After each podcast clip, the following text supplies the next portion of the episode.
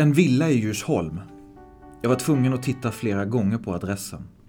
Vanligtvis for vi till mindre bemedlade områden. Farstastrand, Bollmora, Västra Orminge. Jobbet fick en mekanisk karaktär på de platserna, blev ett hantverk i ordets verkliga bemärkelse när vi rotade igenom skrotsamlingar i sovrum eller fann deklarationsmappar bakom sigstinkande soffkuddar. Efteråt kände jag mig alltid lite präglad av miljön. Den följde med in i mig. När jag fick frågor på middagar om tjusningen med mitt värv så svarade jag ofta just detta. Möjligheten att få inblick i människors liv. Och inte bara glimtvis, utan att tilldelas några timmar att summera allt sammans. Vad som är värt något och inte. Själva analysen genomfördes alltid för sent, men arbetet fyllde mig ändå med en slags mening. Denna måndag, alltså Eiravägen, Djursholm, ett stenkast från strandkanten. Jag ställde tjänstebilen på uppfarten, drog åt handbromsen lite extra hårt. Stannade kvar vid ratten och tittade framåt och uppåt. Hejdades på något sätt av byggnaden, betraktade den närmast som ett sagoväsen med sina torn. Tydligen samma arkitekt som hade ritat Dramaten. Det hade stått i protokollet som en pikant kuriosauppgift. Och här hade hon levt. Vissa sökningar i systemet hade blivit så pass rutinartade att jag glömde bort att jag ens slagit in orden och klickat. Men jag visste att hon levt här från vaggan till vart hon nu hamnat. Folkbokföringen gav inga vidare upplysningar. Fadern dog på 80-talet och modern trillade av pinn i mitten av 00-talet. Sen fanns hon bara här, kvinnan. Vi kallar henne K86. Som alla andra vi åkte till M43, M76, K98. Vi värjde oss från deras öden, hade ett uppdrag att utföra och det blev enklare för oss om vi slapp fler detaljer än nödvändigt. Paletter skapar bara problem. På kvällen, min hustru undrade hur jag hade haft det på jobbet. Jag svarade inte, så frågan lades fram på nytt. Jag sa okej, okay, som vanligt, så som man säger när man inte vill säga något. Jag var inte själv typen som brukade landa på mitt bord. Där placerades inga dossierer om M45 i radhus i Örby, gift med en K39 med två gemensamma barn, en P3 och en F5 och en katt. Jag arbetade 8-17, måndag till fredag. Om helgen tyckte jag om att gå i skogen eller spela trummor i källaren. Närmare midnatt smög jag ut i hallen och hämtade min souvenir. Jag brukade alltid ta med något från hemmen jag hade besökt. Det var naturligtvis inte i enlighet med reglementet, men alla gjorde så och jag blev snabbt invigd i systemet som nykomling och sen fortsatte jag bara. Ett föremål var okej okay, och det fick inte vara dyrt, skulle bara medföras för utredarens eget höga nöjes skull. Något du inte skulle stå ut med att se i en container. Normalt handlade det om sånt som ett särskilt genomarbetat broderi eller möjligen ett askfat i tenn. Jag vet att jag hade tangerat även dessa gränser när jag plockade fram K86 bärbara dator. Rundvandringen i villan hade väckt tankar. Dessa museala och överdådiga salar och så en kvinna som ensam sysselsatte partiklarna i dem. Som med vinddraget från sina vandringar fick kristallkronorna själva åtminstone en aning. Hur hon hamnade i vårt register var obegripligt. Vi trädde in i en egenskap av det allmänna, försökte bringa ordning i historien, dokumenterade transaktioner och värdefullt gods innan huset rensades på prylar, som fraktades ömsom till aktioner och ömsom till soptippar. Vi fick en förmiddag på oss att hitta något, slita upp nattygsbordslådor och sekretärer. Något bara något som förklarade eller gav en ledtråd till något eller någon. Kanske ett testamente? Fanns det konton i utlandet? Hade hon bortadopterade barn? Det hände ju att viktiga bevis påträffades vid dessa undersökningar och av den anledningen så utförde vi detta grävjobb i det förflutna. Kanske skulle fallen hamna hos polisen till slut, om vi fann något suspekt, men för det mesta inte. Då och då hittade vi utgångna sedlar i madrasser, kinesiska krukor fyllda med smycken. Men för det mesta vittnade tomma spritbuteljer om hur dagarna i bostäderna hade fördrivits.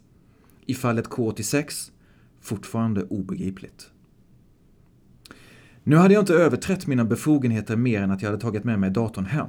Den fick studeras, men under kontorstid vid Medborgarplatsen och efter godkännande från min närmaste chef, Hon, K55, hade säkert inte haft några synpunkter om jag dryftade mitt önskemål en tisdag förmiddag.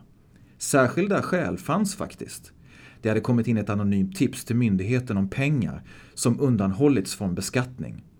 Vår kille i kundtjänsten ansåg det naturligtvis märkligt att en kvinna med totalt noll förvärvsarbetade dagar skulle kunna få in sådana summor som det talades om. Men tipsaren var ihärdig. Och vi gjorde ingenting på det. Egentligen en fråga för Skatteverket.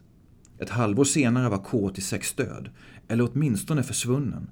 Kroppen hade vi inte hittat rätt på. Och det var besynnerligt. Kanske inte viktigt, men besynnerligt. Egentligen skulle vi inte fundera för mycket. Det fanns formulär att fylla i. Rutor att bocka för. Ja eller nej. Verkligheten var sällan mystisk. Så här. Vi kunde komma hem till en K62 i Bagarmossen. Tio gratistidningar innanför dörren. Ett rum och kök. TVns röda lilla lampa lyste. Smutsig disk vid matbordet. En toalettsits som kanske aldrig rengjorts. Det tog en timme att bläddra igenom papper och lyfta på kuddar. Och därefter tillbaka och kryssa i rutor och sen skriva K65 död, naturliga orsaker, inget att rapportera, en förmiddagsarbete.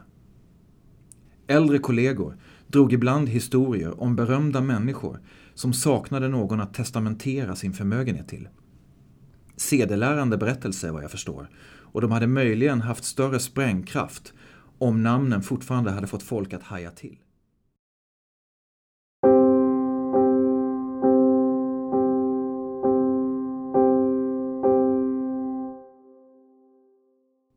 Ett genombrott i utredningen. Jag fann inloggningsuppgifter till en blogg. Det första inlägget var skrivet i mars 2005. Möjligen i samband med att modern gick bort. Och det sista inlägget skrevs ungefär då K86 anmäldes saknad. I övrigt fanns inte mycket som stämde med den så kallade verkligheten. Första inlägget. Jag är en 25-årig kille som just kommit ut i arbetslivet. Mitt mål är att bli mycket rik och jag är beredd att kämpa för det.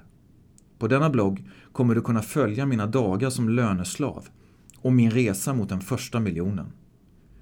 I bloggprofilen stod att den hemlige författaren nu var 37 år gammal, jobbade inom finans och hoppades kunna nå målet någon gång under 2017. Samma år skulle denne debutera med en bok. Datorn hade inloggningsuppgifterna ifyllda sedan tidigare. Jag klickade upp bloggens administratörssida och fann statistikverktyget.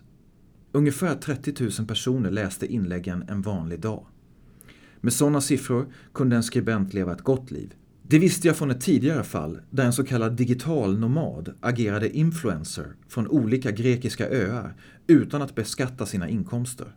Avled i ett skjul på Rhodos, kanyler i armarna. Det var inte vackert. Jag började läsa bloggen, inlägg efter inlägg. Den anonyma skribent kom under många års tid att ge dagliga rapporter från sin sparsamma vardag. Beskrev hur han lämnade tillbaka varor på Lindex, men behöll kassarna och därmed gick med vinst. Denne såg även till att kollegor stämplade in honom på kontoret. Han körde över hela stan för extrapriser på Lidl, tog med sig konserver till knytkalas. Läsarna gavs genom åren möjlighet att följa historierna likt en utdragen tv-serie med ett givet slut. Beteendet var extremt i sin snikenhet, varför uppslutningen blev stor. En mytbildning odlades i kommentarsfälten, där bloggaren själv då och då gav sig in för att bistå med investeringsstrategier. Enligt våra avstämningar hade inte K86 några aktiedepåer, möjligen utomlands, vilket emellertid inte stämde med uppgifterna som angavs i bloggen. Så vitt jag kunde bedöma så var alltihop ett fantasifoster. K86 ville väl testa att vara en annan. Vill vi inte alla det ibland? Nästa dag borde jag ha klivit in på kontoret med datorn i näven och visa vad jag hade funnit. Jag menar, det var trots allt just den här typen av ny information mitt jobb gick ut på. Som fick generaldirektörer och politiker att förnya våra uppdrag. Jag surfade runt på nätet istället, bearbetade mig själv antar jag. Undersökte kommentarsfälten igen. Jag förstod att det var i januari 2017 som friheten skulle nås. Men alla tycktes ha gått miste om finalen. Nu publicerades oroliga texter från olika användarnamn. Jag surfade vidare. Då dök hon upp. Nej, inte direkt hon. Men jag antar att bokhandlarnas algoritmer snappat upp att jag kunde ha intresse av boken Jobba dig fri, som det skyltades för i annonser. Och jag klickade. Förlaget kände jag inte igen, men boken gick tydligen att förbeställa. K86 hade alltså levt ihop med sina föräldrar till 75 års ålder och skulle framöver guida svenska arbetsskygga människor till oberoende. Det var komiskt, inte ologiskt, men komiskt. Jag fick nya ärenden. Enkla varianter där jag fyllde i rutor.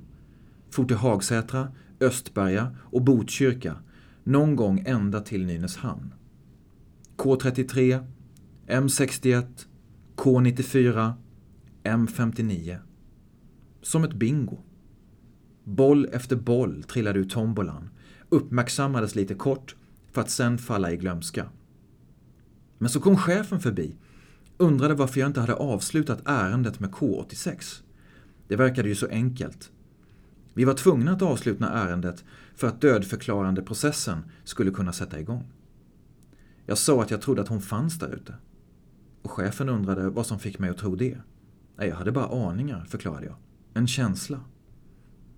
En känsla och du litar på den, påpekade chefen och började nynna på den där främlingslåten med Carola. Sen vankade hon iväg och höll upp tio fingrar. Ingen aning om vad det betydde, men det var väl en gest av något slag. Jag fyllde i några formulär till. Inga arvingar hittade, inga testamenten, inget utöver det vanliga. Bara död, misär, alkohol, ensamhet i en kemisk cocktail. Om jag inte vore så blasé skulle jag ha varit deprimerad för länge sedan och gruvat ner mig i livets plötslighet. Man bara finns och sen gör man det inte. Ibland bryr sig folk, men för det mesta fortsätter allt som vanligt. Livet går vidare, som man säger. Men jag kunde inte släppa K86. Bloggen var död, stendöd, fram till den försvann.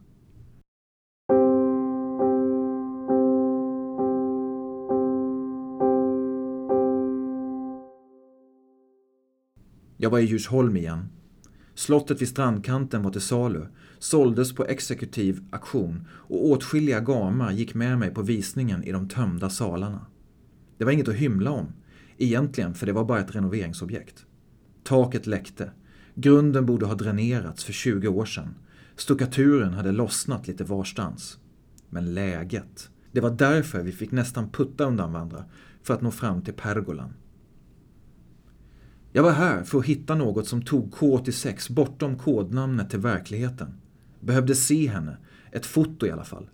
Inte bara ett grynigt passporträtt från 1975. Hon skulle till Las Palmas, men lämnade aldrig landet. Jag visste tillräckligt om henne för att skriva en roman, eller åtminstone en novell. Men hennes konturer var ändå utsuddade. Det jag visste väckte fler frågor än det gav svar. Jag gick mig trött i de plågade trapporna. Skrattade lite åt mig själv och min entusiasm. Bloggen var borttagen, ja, vad sa det egentligen? Sånt kanske skedde per automatik. Och nu skulle pengarna från husförsäljningen slussas vidare till Allmänna arvsfonden. Fint det. Så fort jag hade skickat in min rapport, men jag skickade ju aldrig in den. Annars hände inget speciellt den våren. Jag utförde mitt värv så som jag alltid utförde mitt värv. Bevakade knopparnas framväxt så som jag alltid bevakade knopparnas framväxt. Barnen fick nya läxor som jag behövde hjälpa till med.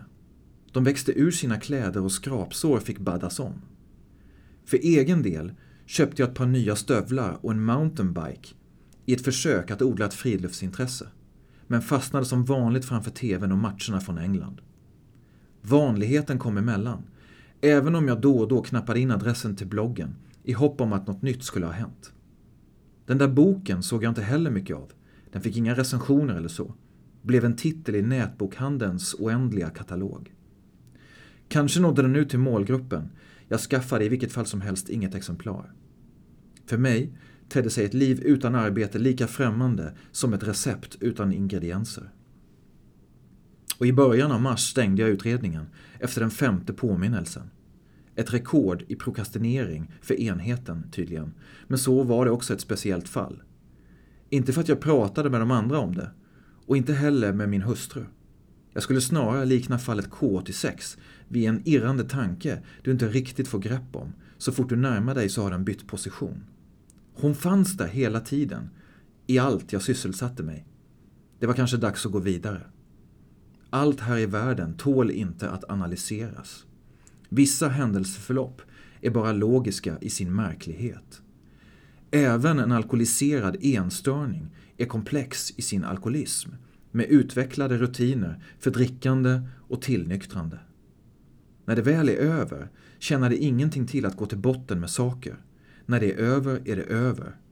K86 kunde dödförklaras som alla andra. En torsdag i slutet av april knackade kundtjänstkillen försiktigt på dörren och frågade om han fick stiga in. Det hade hänt en så konstig sak nyss, förklarade han, så han ville prata med mig och bolla om han hade gjort rätt. Det gällde en dator. Jaha, vad för dator? frågade jag. Han sa att det var någon gammal Toshiba från ett besök i Danderyds kommun. Ägaren hade hört av sig och ville få tillbaka den. Och det hade förstås denne rätt till. Men själva föremålet fanns inte förtecknat någonstans. Och samtidigt var ägaren så säker på sin sak, hade utskrifter med IP-adresser och annat som kunde styrka att datorn används från flera olika platser sedan hembesöket på Eiravägen. Bland annat i våra lokaler. Det låter udda, sa jag och släpade lite med rösten i syfte att inte verka för angelägen, men fortsatte med en fråga. Ja, den här personen som ägde föremålet vi pratar om. Kan du berätta lite mer om henne? Hur verkade hon? Skör? Eller säker? Säg bara något. Jag minns fallet. Jag vet att det gjorde mig nyfiken. Kundtjänstkillen fick ett ängsligt uttryck i ansiktet. Som om vi diskuterade två olika saker. Och jag fortsatte prata. Alltså, jag vet vilket ärende vi diskuterar. Med kristallklar precision minns jag det här ärendet. Jag vill höra din personliga uppfattning om individens karaktär. Det är viktigt för utredningen. Berätta om K86. Säg något! Kundtjänstkillen backade först långsamt ut mot korridoren, som om jag skrämt honom, innan han kom på något och fnissade till en aning. Ja, nu begrep han att jag hade fått allt om bakfoten. Personen han nyss vinkat iväg var en man i 40-årsåldern. Jag frågade allvarligt, åt vilket håll gick han?